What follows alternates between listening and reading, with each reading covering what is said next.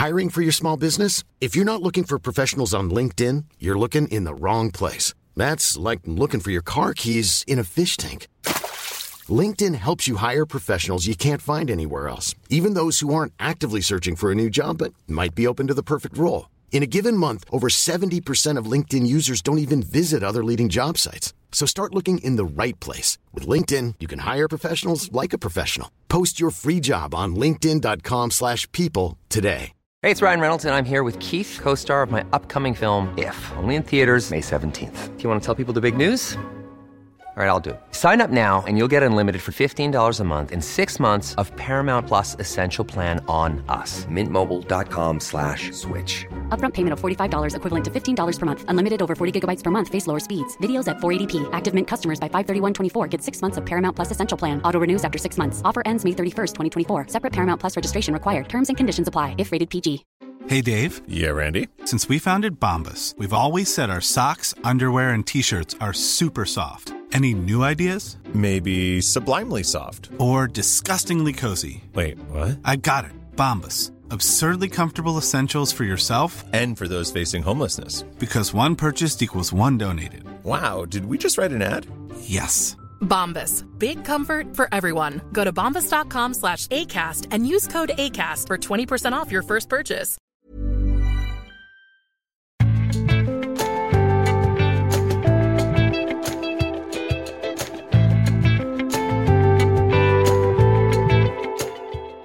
Neste uke er det klart for eh, årets eh, Oslo Symposium.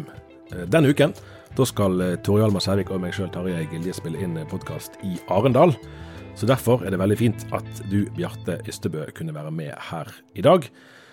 Og så er det sånn rent praktisk at du og Tore Hjalmar har vært venner privat i mange år, så derfor fikk Tore Hjalmar fri i dag. Men det er ikke friere enn at han er her i rommet, så han kan komme inn fra sidelinjen med noen sånne kommentarer underveis hvis han vil, men han er ikke med i selve uh, samtalen. Men Bjarte, på bordet foran oss så ligger det tre flott innbundne bøker. Jeg var veldig stolt av de. Ja, ja, det forstår jeg. Uh, og foruten bilder, som i seg sjøl er en kunst, for det var veldig flott fotografiarbeid som er gjort der, så ligger manus til de talene som ble holdt på symposiene i 2011, 2013 og 2015. Og nå skal vi ha litt moro, da. Vi er jo kommet såpass opp i årene at det er gøy med sånne tilbakeblikk. Eh, For det at eh, til det første, det er 2011, der skrev du som følger. Det er noe på gang i kongeriket. Mens vi har følt at vi lever i de verste avkristningstider noensinne, skjer det noe mystisk. Og så fortalte du om eh, Erik Solheim og Jonas Gahr Støre og Jens Stoltenberg. Kjenner du igjen nå den optimismen som du kjente på da? Jeg husker han, er vel riktigere å si. Eh, Men eh, nei, altså det kanskje, Optimismen var jo kanskje et uttrykk for, for min optimisme, for den tror jeg er nokså konstant. Eh, Og det tror man kanskje... Den er nokså konstant, det var jo et godt utgangspunkt. Ja da, altså, for jeg tror du må være det hvis du skal holde på med dette. Ja. For det, er jo litt motvind for oss kristne som er engasjert i samfunnsdebatt og det like. Så, så jeg men, men jeg husker jo definitivt den tiden der, og jeg husker boken 'God is back' og, og samtalen om at kristendommen, om ikke den fikk en gjenfødelse som en, eh, som en religion, så fikk den større aktelse i samfunnsdebatten. På grunn av at kanskje at mange fikk eh, møte med alternativene. Eh, så, så det husker jeg veldig godt. Og så er det jo selvfølgelig sånn at eh, kristendommen går jo frem på de andre kontinentene. Eh, og selv om om vi bor i en veldig liten boble her, så, så er vi jo ikke upåvirket av det når vi hører om vekkelser i, i Afrika og i Asia f.eks., og i Sør-Amerika som endrer store samfunn. Så jeg tror eh, Og det har jo ikke opphørt siden da. Eh, Så, men jeg husker veldig godt den optimismen vi hadde når vi eh, startet med Oslo Symposium i 2011, og den har vi fortsatt. Nettopp. Var det noe sånn, eller husker du nå eh, hva som var, det var jo sikkert noen konkrete foranledninger? For det var jo du, du jobbet i Norge i dag, du, du, du skrev og lyttet og fulgte med. Eh, Hva var det som gjorde at du ville etablere en sånn konkret eh, møteplass? Det fantes jo andre kristne sommerstevner og andre stevner og møter og konferanser. Ja, nei, det var jo det at jeg hadde sett dette i Amerika, Nettopp. hvor eh, hvor effektive i gåseøyne amerikanske kristne var i å sette dagsorden. For det var disse her eh, APAC og CPAC og de konferansene der. CPAC, noe som heter Value Voter Summit, eh, og litt før det noe som het Christian Coalition Road to Victory. Eh, det var de konferansene som hadde inspirert meg frem til dette. Eh, og så ikke bare fordi det var gøy å ha en konferanse, det er det jo, du får jo energi av det, men rett og slett fordi at eh, de utretter jo ting der borte. Den gangen gjorde de det, og det gjør de fortsatt. Som vi i Norge som kristne eh, bare har drømt om eh, siden 50-tallet. Sånn at eh, det inspirerte frem Oslo Symposium, og så var jeg samtidig opptatt av at det måtte gjøres norsk og ikke amerikansk. Så det var tenkningen som gjorde at vi gjorde, laget symposium, at det ble sånn som det ble. Mm. Vi skal snart vende tilbake til fortiden. Eh, men la meg bare spørre, Odd, når du sier det, eh, tenker du likt nå om det å hente inspirasjon fra USA? For det har jo vært et sånn ideal i mange kristne miljøer, at man hentet inn både taler og impulser fra USA, og så har man måttet bryne seg på det som hvor stor er egentlig overføringsverdien til norske forhold? Jeg tror kanskje vi var tidlige Eller vi var flinke den gangen som nå på å forstå at ikke alt kan overføres. Mm. Så selv om noen har villet avskrive Oslo Symposium som et, som et amerikansk greie, så tror jeg ikke det har festet seg. Fordi at vi har laget vår egen greie her i Norge, som funker her i Norge. Mm. Eh, og eh, som har blitt eh, ja, en, en mark veldig markering som ikke bare er viktig for oss som tror på Gud, men som gjør at journalister og andre som følger med, er veldig oppmerksom på dette. Mm. Så hvis dette her var noe sært og et, et sånt show som ikke hadde noe betydning, så hadde ikke det vært resultatet, tenker jeg. Så mm det der er en, sikkert eh, Det er veldig lett å gå i fellen, og i, i, kristenheten så har jo det vært kanskje mye av det i trosbevegelsen, f.eks. Mm. Men, men det mener jeg vi har gått styrt unna. Vi har laget vår egen greie. Men jeg har aldri lagt skjul på at inspirasjon er hentet eh, fra USA. Akkurat. Vi går videre i den samme teksten eh, fra 2011, og der skriver du eh, vi må være litt rause. Vi må lage noen allianser med folk som ikke deler alle våre standpunkter, men som vi kan samarbeide med om noen grunnleggende verdier. Vi må se bort fra noen kulturelle og historiske skillelinjer, og se fremover på de utfordringer som møter vårt samfunn, enten vi liker det eller ikke. Og senere i samme teksten skriver du òg vi må nemlig være liberale. Eh, hvordan syns du alliansebyggingen har gått siden dette? Ja, hva skal jeg svare på det? Alliansebyggingen har jo gått bra på noen områder. Jeg tenkte nok sikkert den gangen på forholdet til eh, Fremskrittspartiet, men også til Arbeiderpartiet. Altså det var, det var nok veldig tydelige fronter den gangen, eh, særlig i KrF og innenfor Kristen-Norge, mot de to partiene. Mm. Eh, og, og, jeg har tatt til orde for at man må være pragmatisk og se hvem kan man samarbeide med om å få ting til. Og det skal ikke akkurat si at vi var de første som, som kom på det, men jeg tror jo at det har vært en, en, en, politisk arbeidsmetode som de fleste kjenner seg igjen i. At det, det, det, er slutt på den tiden der man kunne bare si at fysj, deg samarbeider vi ikke med. Mm. Eh, og det er kanskje ikke et uttrykk for styrke, det er kanskje et uttrykk for svakhet at man er nødt til å samarbeide der man kan.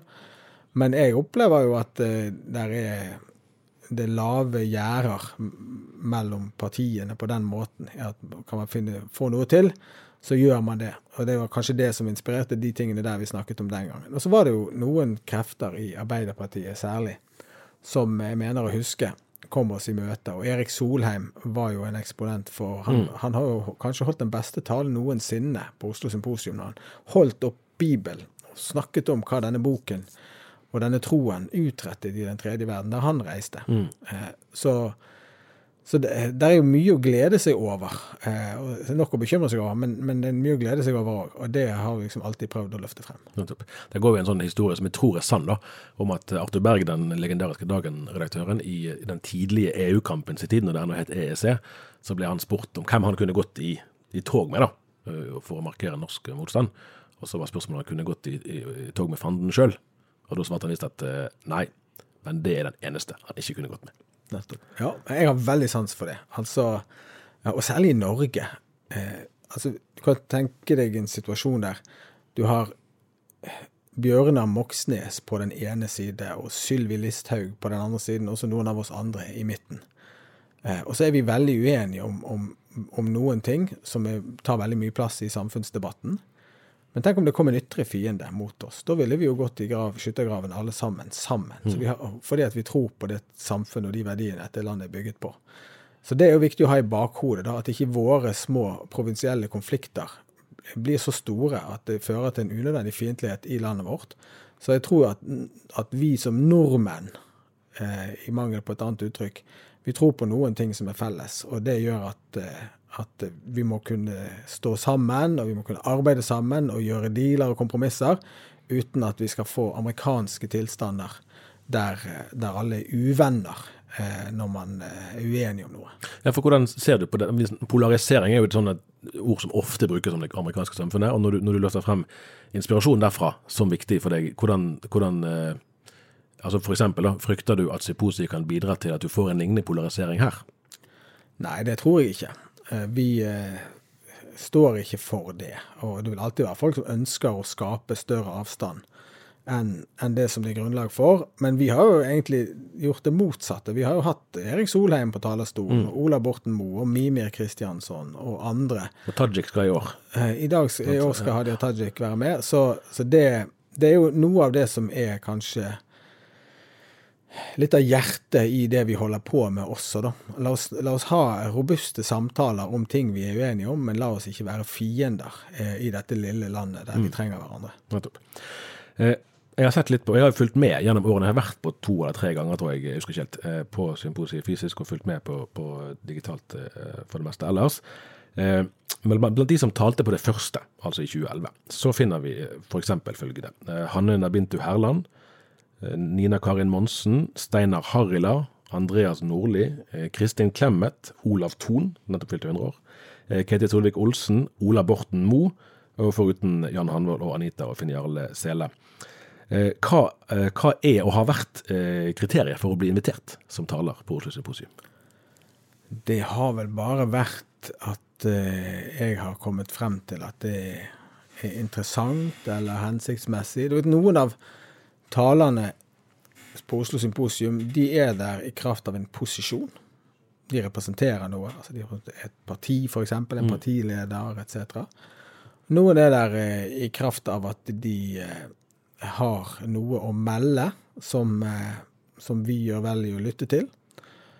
Noen er der fordi at vi trenger å ikke være så fordomsfulle, ref disse som vi akkurat snakket om. Og noen er der fordi de er unge, og vi har tro på dem, og vi ønsker å gi dem en plattform. Så talerlisten til Oslo Symposium den følger ikke et skjema overhodet. Den blir til litt mens vi går, og mye på inspirasjon og, og ideer som kommer. Men det som er gøy, er at de aller fleste sier ja til å komme. Ja. Nesten uansett hvor du, du kommer fra. Og Hadia Tajik er en av de. I år kommer Harald Eia, som er TV-komiker, og som isolert sett ikke skulle ha noe egeninteresse i å bruke tiden sin på oss, men han vil komme. Det syns jeg er så nydelig. Eh, Det er, eh, uten å fornemme noe, det er kanskje noen av de to, to gjestene jeg setter mest pris på i år. Så det er vel eh, kanskje et svar på det. Det er litt tilfeldig, men, men noen av de aksene der er det kanskje vi beveger oss på. Mm. Du sa i sted at kanskje Erik Solheim hadde holdt den beste. Er det andre du husker det som at det var virkelig et øyeblikk der? For det er jo, det er jo utrolig intenst. sant? Det er jo 20, kanskje 30 talere i løpet av et par dager. Det er mange bidragsytere. Eh, Hva er det som stikker seg ut? Det er vanskelig, altså. Men eh, Truls Olufsen Mehus holdt en utrolig fin tale i eh, 2021. Den eh, inspirerte mange, og jeg snakket med Truls. Han sier han stadig fortsatt treffer på folk som, som forbinder han med den talen han holdt på Oslo Symposium. Han kommer igjen nå. Han kommer igjen. Eh, vi har hatt flotte ting om Israel. Eh, eh, ja, kanskje Vi hadde jo Alan Dershowitz allerede i 2011, for eksempel. Professor Ja.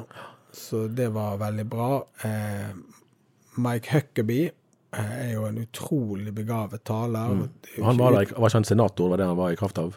Nei, altså han var jo da egentlig avgått politiker. Han hadde tapt nominasjonskampen eh, om å bli eh, president, men var jo kanskje vel så mye aktuell fordi at datteren hans, Sarah Huckabee Ble. Sanders, var pressetalskvinnen til Trump.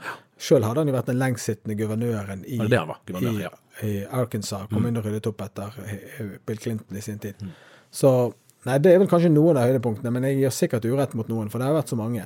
Men Er Motsatt, er det noen du liksom angrer på og tenker at dette gjør vi ikke igjen? ja da, definitivt. Men det kan ikke jeg si på Tore og Tarjes podkast. Eh, nå, nå er jo dette delvis på dagtid. Sant? Eh, for jeg har jo liksom, jeg kunne ikke helt fri meg fra inntrykket av at eh, de fleste deltakerne som jeg kunne se, var jo kanskje en generasjon eldre enn deg sjøl. Er det en måte symptomatisk? Ja, men det er det jo i alle kristne forsamlinger. Hva slags tanker gjør du deg om det? Nei, vi, vi går med det laget vi har. Altså, jeg, jeg hører ikke til blant de som sturer over at, eh, at, at snittalderen er høy. Den er høy, og den skal bli lavere, men det er et bønneemne. Og det er ikke så mye vi med alle våre, våre gode planer kan gjøre med det, tror jeg. da. De, disse folkene de kom til kristen tro i, i en annen tid, der det var vekkelse, og det håper vi skal komme igjen. Og da kan vi oppleve at det der snur seg på hodet. Eh, Så det eh, Jeg tenker ikke så mye over det. Vi går med det laget vi har. Veldig stolt av bevegelsen. Mm. Og eh, det er en fantastisk gjeng. Det er jo selvfølgelig ikke bare godt voksne folk som kommer til oss, det er jo virkelig hele spekteret. Men som du sier, tyngdepunktet er nok i pensjonsalderen. Men det er de folkene som gir, det er de folkene som ber, det er de folkene som stemmer for det vi tror på. Så de er dyrebare i mine øyne. Ja, det er det jo ingen tid om. Det er det samme som at du nytter ikke å du, Hvis det er færre folk enn ønsket på et møte, så kan du ikke kjefte på de som er der, for at de andre ikke er der. Nei, du skal i hvert er fall jo- ikke gjøre kjefte på de. Jeg er jo så takknemlig for de som kommer. Og så er det jo sånn at symposiet har jo eh, en veldig TV-spredning, og, og Mm. en, innimellom også en betydelig digital spredning. Så det det var jo f.eks. et år at VG nett sendte store deler av symposiet på fronten sin. Ja. så Mm. Og det med Hareide, det, kanskje. det var vel egentlig Ja, det også. Det òg var en, en gang. det var et øyeblikk. det var et øyeblikk, sånn, med- men det også Huckaby og forskjellig, da. Ja. Og Sylvi Listhaug og saker og ting. Så da er det litt kontrovers og spenning i luften. Da kommer disse. Så, men, eh, men det er jo veldig mange som får med seg eh, dette her via andre flater. Ja. Så det, det, er ikke, det er ikke så avgjørende for oss hvem som er i rommet. Men vi er Nei, det opptatt av å nå ut med det Ja. vi har på hjertet. Ja, bare siden vi først nevner det, for det var jo et øyeblikk. Jeg tror, Var ikke det Mimir Kristiansson som var like før, eller like etter? Og, han, og Nå har jo han vært ute igjen og skrytt av kristent arbeid nå helt nylig, og han fikk sterk applaus. Og så var det Hareide som advarte kraftig egentlig mot Trump, og det var jo åpenlys buing. Og du var vel ute og kommenterte det, så vidt jeg husker. Ja da, jeg syns ikke det var noe kjekt. Nei. altså, jeg, jeg var ikke enig i måten Knut Arild markerte sin, eh, sin misnøye med de som, som støttet Trump den gangen. Jeg, forstår veldig godt hvor han kommer fra, og, og jeg forstår veldig godt de som ikke støtter Trump. Men jeg syns ikke det skal bli forenklede analyser og fiendebilder og latterliggjøre de som gjør det. For det er ikke vanskelig å forstå eh, at noen gjør det. Så, men utover det så var jo jeg vertskap for denne konferansen. Og når noen kommer til vår konferanse, så skal de bare oppleve velvilje. Ja. Og vi skal tåle veldig godt uenighet og kritikk. Så derfor gikk jeg ut og, og beklaget det til Eller gikk ut, jeg sendte en melding til Knut Arild eh, og beklaget det, og han responderte fint på det. Så, så det handler liksom om hva jeg vil at symposiet skal være. Eh, Og, eh, så jeg likte ikke helt den responsen, da. Men det var noen få i salen som gjorde det. og det er sånn som skjer, ikke noe big deal egentlig, men veldig ryddig å, å beklage det, for sånn som jeg så det da. Ja, ja. Du, eh, to år frem fra begynnelsen, da, til 2013.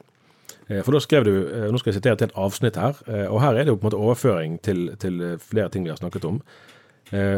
Lenge før det fantes Nav og sosialkontor, var den kristne menigheten selve omsorgssenteret i samfunnet. Før det fantes Helse Øst og Helse Vest, drev kirkene i Norge sykehus, drevet av det kristne kallet til kunnskap og omsorg. Lenge før det fantes et kunnskapsdepartement og kommunalt ansatte lærere og rektorer, var det kirkene som etablerte skoler og utdanning, og lenge før noen hadde hørt om uhjelp, drev norske kristne misjonærer helsehjelp, utdanning, brønnboring og pengebistand til mennesker i den tredje verden. Her mer enn aner vi jo en tanke om et kristent samfunnsansvar. Og det lurer jeg på hvordan du syns det går med. For du skrev òg der at det ikke er synd på oss som vi er minoritet og sånn og sånn, for det er ikke oss dette handler om. Hvordan vil du si, og da, og da tenker jeg det naturlig å tenke generasjonsregnskapet, da. Vår generasjon kristne, hvordan går samfunnsbyggingen der? I en tid der kanskje du kan få en følelse av at flere trekker seg tilbake. Ja, det er et veldig stort spørsmål, eh, Tarjei. Eh, Det er det vi driver med. Ja, det finnes sikkert folk som kunne svart mye Garantert folk som kunne svart mye bedre på det enn meg. Eh, Jeg tok jo opp disse tingene fordi at eh, jeg syns kristendommen og den kristne bevegelsen av, av noen får et ufortjent dårlig rykte. Og at folk i sitt ønske om å være politisk korrekte tar avstand fra det som er selve eh, fundamentet for det gode samfunnet vi lever i. Og det var det jeg ønsket å adressere i det der. Eh, og det, står, det der var jo i all beskjedenhet godt skrevet. Jeg kunne skrevet det samme igjen. Eh, så så eh, er det jo sånn at om vi eh, som kristne nok har mistet litt av vår selvoppofrelse og litt eh, mindre engasjert i dette og mer opptatt av karriere osv., så, videre, så er det veldig leit. Det tror jeg eh, nok er tilfellet. Eh, og det kan det sikkert være flere grunner til, men eh, det står jo at kjærligheten skal bli kald hos de fleste. Mm.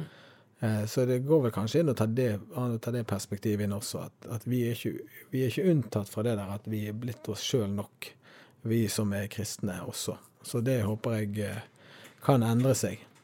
Men eh, det er jo alle som lider hvis ikke det kristne hjertelaget får lov til å banke i samfunnet. Det er jo, som jeg sa, det er jo ikke oss det går utover alene. Det går jo utover et samfunn som trenger mer eh, nestekjærlighet og det er jo det Mimir Kristiansson eh, skriver om og snakker om etter han var i Flekkefjord og så på Englevakten. At eh, det er jo dette som er verdifullt eh, i, i det norske samfunnet, eller i hvert fall noe av det som er mest verdifullt. Så det, det tror jeg er, er veldig, veldig viktig. Og jeg tror at når historikerne studerer den tiden vi lever i om 50 år, så vil dette være noe av det de ser på. At, at, eh, at kjærligheten blir kald hos de fleste. Eh, Du var jo lenge aktiv i Kristelig Folkeparti. Du var vel lokallagsleder i Bergen Vest KrF, stemmer ikke det? Ja. Eh, Nå er det jo sønnen din som har overtatt. Eh, Det er ikke, ikke det er vervet, men i, eh, i, i hvert fall i KrF-deltakelsen. Uh, toppkandidat her i byen. Uh, noe av det jeg forbinder med deg som KrF-er, og nå får du korrigere meg om du syns du er urettferdig, men det er at du var klokkeklart eh, plassert på den blå siden eh, i KrF. Men sist gang vi var sammen, og det var jo eh, på TV hos deg i programmet Samtalen, som ble sendt fra, fra eh, Kråkenesheimen til Kanal 10 og BDUs-kanalen, og det var nå i vinter, tror jeg. Det kan stemme. Da eh, snakket du om at menigheten du tilhører, Pinsekirken Tabernakle, der hadde antagelig Einar Gerhardsen og Arbeiderpartiet rent flertall. Altså på våre foreldres eh, ungdomstider. Eh, er det egentlig i arbeiderklassen du mener at kristenfolket hører hjemme? Nei, det blir vel kanskje litt forenklet å si det. Vi eh, eh, det, har, altså det at, at særlig pinsevekkelsen vokste frem i arbeiderklassen, det hadde jo rett og slett sammenheng med at det var der vekkelsen spredde seg. Eh, altså noen av, de, noen av de som utgjorde den første gjengen rundt Thomas Boll Barrat, det var jo eh, alenemødre og, og, ja, og, og folk som levde på eh, fattigkassen den gangen. Så det er den historiske forklaringen for det. Eh, Jeg tenker jo at vi som kristne, vi eh, burde jo være i alle samfunnslag, og er det jo også. Eh, så, og en av de tingene som har kjennetegnet KrF, det har jo vært at der har det vært både skipsredere og trygdede. Akkurat. Sånn at de har ikke vært der fordi at de har en felles økonomisk interesse. De har hatt vidt forskjellige økonomiske egeninteresser, men de har vært der fordi at noe annet har vært viktigere. Ja. Og det er at eh, disse kristne verdiene som har bygget dette landet, de skal videreføres og, og forsvares. Og, og det har jeg veldig sans for. Da. Så, så den eh, sosioøkonomiske eh, eh, måten å, å, å analysere oss på, den har jo akademisk interesse, men jeg tenker jo at eh, det er helt andre ting som skal kjennetegne oss kristne enn at vi tilhører det ene eller det andre samfunnslaget. Og så er jo hver av oss et produkt av, av det eh, miljøet vi sjøl har vokst opp i. Altså, min far vokste opp i en arbeiderklassesamfunn i Ålvik i Hardanger, og hans far jobbet på fabrikken, og pappa jobbet på fabrikken. Og det formet han. Og det har formet oss i vår generasjon. Så får vi se hvordan det går med neste. Men, men det er jo litt sånn er, Jeg føler meg jo veldig hjemme i en sånn arbeiderklasse, hvis det går an å snakke om det da, i dag. Eh, mye mer enn en hos de beste borgerlige. Eh, så, men det tror jeg ikke handler så mye om kristendom. Men det handler vel mest om eh, ens egen bakgrunn og kultur. Da. Eh, På en måte så er jo alt som normalt når du står i spissen for Oslo Symposium i et valgår. Det er da det blir arrangert. Eh, Men samtidig er det jo mye som har forandret seg for deg siden sist gang. Eh, Og flere av de som har vært faste talere, er ikke med i kjølvannet av ditt brudd med Norge i dag i fjor. Ja, Norge i dag har jo til og med arrangert sitt eget Oslo Symposium eh, tidligere i år. Og de så jeg artige at de omtaler neste ukes arrangement som IKAIs eh, symposium, altså Internasjonale kristne ambassade i Jerusalem, som jo har vært medvirkende hele veien, men de prøver liksom nå å ta eierskap til navnet vel sjøl, selv om ja, jeg vil nå påstå at det skulle være ganske åpenbart at det er du som har vært frontfiguren der i, i alle år. Men, men konkret, hvordan påvirker dette bruddet neste ukes arrangement talere, deltakere?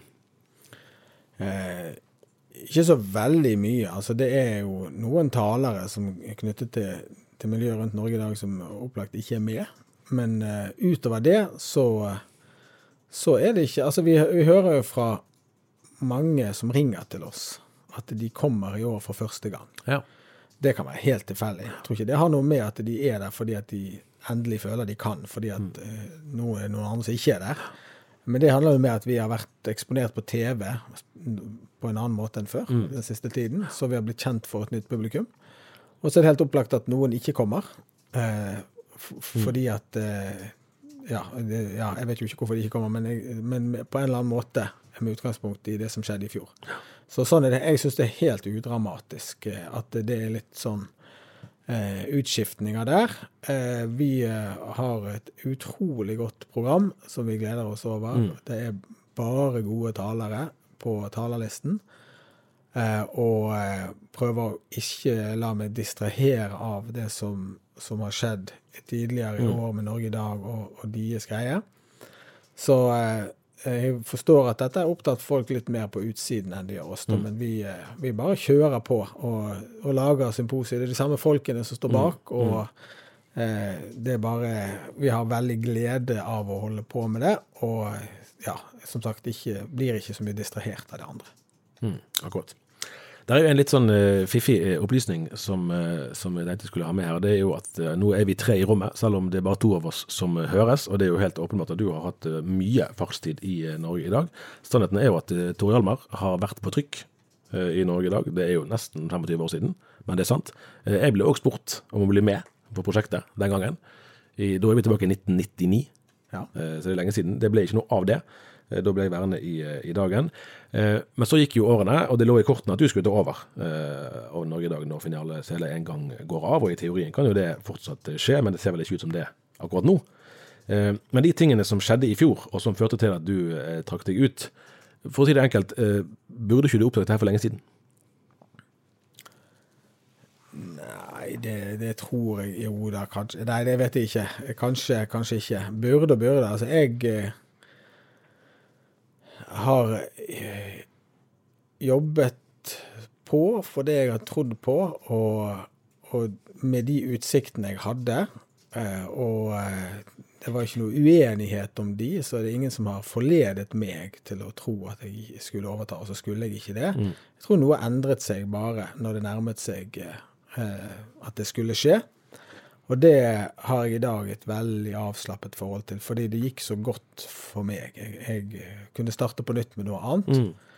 Eh, så jeg vet ikke om jeg burde sett det på forhånd. Eh, hadde jeg sett hva som skjedde i fjor på forhånd, så hadde jeg sneket meg stille ut året før. Jeg hadde jo planer om det. Jeg hadde jo egentlig bestemt meg for å slutte i mars 2021. Ble overtalt til å fortsette fordi at jeg skulle overta sommeren etterpå. Hva var det du ville gjøre istedenfor, da? Nei, Det hadde jeg ikke helt klart for meg, men jeg så for meg at jeg skulle finne noe å leve av, og at, jeg, at det her kunne da bli aktuelt senere. Så jeg eh, Men jeg eh, jobbet eh, helt frem til det siste. Noe av det siste vi gjorde eh, midten av juni 2022, det var å s- samle inn 300 abonnenter til Norge i dag på TV-en. Ni dager før generalforsamlingen, eller ti dager før generalforsamlingen. Så jeg eh, gjorde det jeg gjorde med, eh, med glede. Selvfølgelig var det et tøft halvår, men, eh, men å prøvde å gjøre jobben min i krevende tider. Og jeg skammer meg ikke over noe av det vi gjorde i den tiden. Og jeg angrer ikke på at jeg var i Norge i dag, og er bare takknemlig for alt som jeg har fått vært med på, og alt jeg har lært, og alt sånt. Så jeg har ingen vonde følelser knyttet til den tiden, og eh, går ikke rundt heller og tenker på at jeg burde sett ting komme og sånt. Vi ser alltid stykkevis og delt. Og nå har jeg startet med et prosjekt som jeg ser for meg at jeg skal jobbe med frem til jeg blir pensjonist. Mm. Det er langt fra sikkert. Man vet aldri. Det Nei, har er jeg lært. Er. Sånn at du vi, uh, vi, vi jobber på, og vi uh, gjør vårt beste der vi er, og stoler på Gud, at han åpner og stenger de dører som han vil. Og nå er jeg der som jeg er. Nå er det bare fantastisk fint. Mm. Og, og, og har bare gode tanker om, om det som ligger bak også. Ja, ja. Jeg spør litt om de tingene sammen, fordi at eh, altså Vi har snakket tidligere om hva som var kriteriene for å bli invitert som taler. og Jeg vil jo si fra mitt ståsted at, at det har vært en side ved det. At måtte, det landskapet der, altså Visjon Norge, Norge i dag eh, Det har vært en tydelig altså Der er flere som har vært faste, som jeg vel tror har vært på alle eh, symposiene.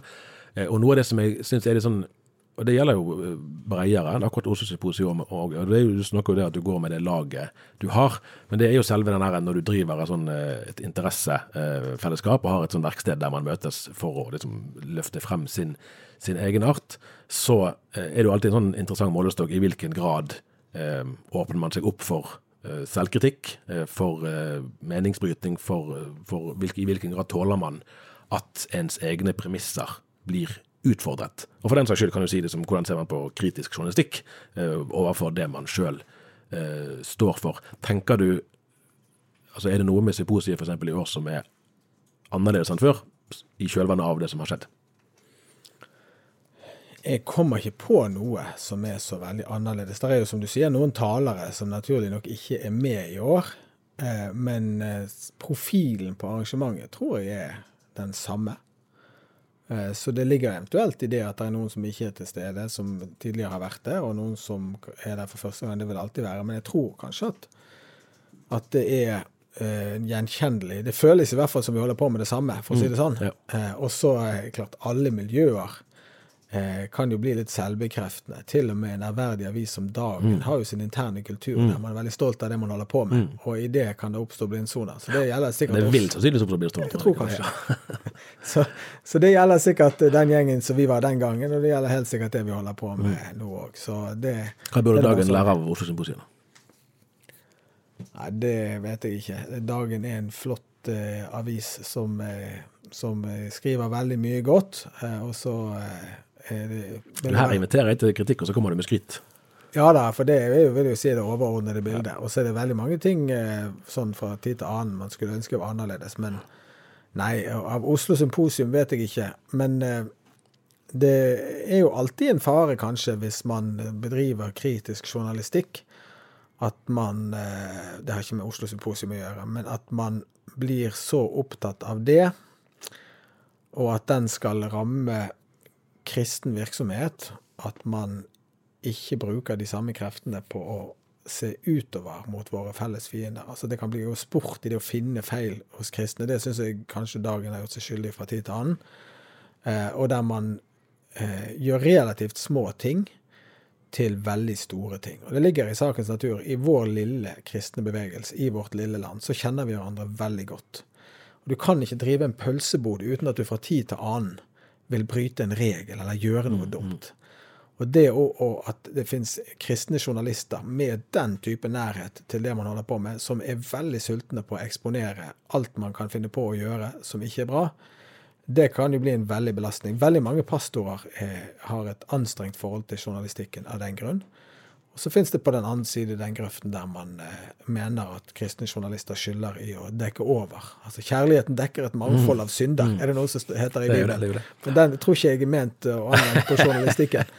Men I så fall kunne jo revisoren òg lure på hva de skulle gjøre. Ja. ja, så, så det er vel to sider av den saken, da. Men eh, det kunne være en fin påminnelse for kristne journalister. Og jeg tenker vel sikkert at dere er oppmerksom på det også.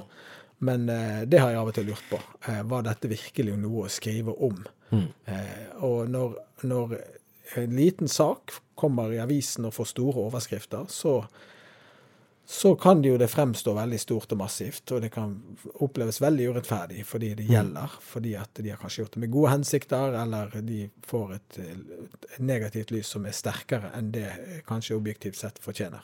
Eh, Jeg lever jo i denne sektoren og har et veldig avslappet forhold til det sjøl, så hvis jeg blir hengt ut i avisen for noe, eh, så, så eh, har jeg et avslappet forhold til det. Det hender jo fra tid til annen. Men jeg vet jo at veldig mange ikke har det. Og det kan fullstendig gjøre Altså knuse et menneske, det. Eh, fordi at man kan være kanskje litt sensitiv eller ærekjær og sånt, og man eh, føler seg urettferdig behandlet. Så det er noe jeg eh, tror alle kristne journalister kan legge seg på minne. Nå er det selvfølgelig fristende å be om eksempler og gå inn i konkrete enkeltsaker. Det tror vi skal la være, og heller bare ta til oss disse innspillene. Og så får vi si at denne samtalen får fortsette. Enn så lenge sier vi lykke til med neste ukes symposium, og takk for besøket, Bjarte Ystebø.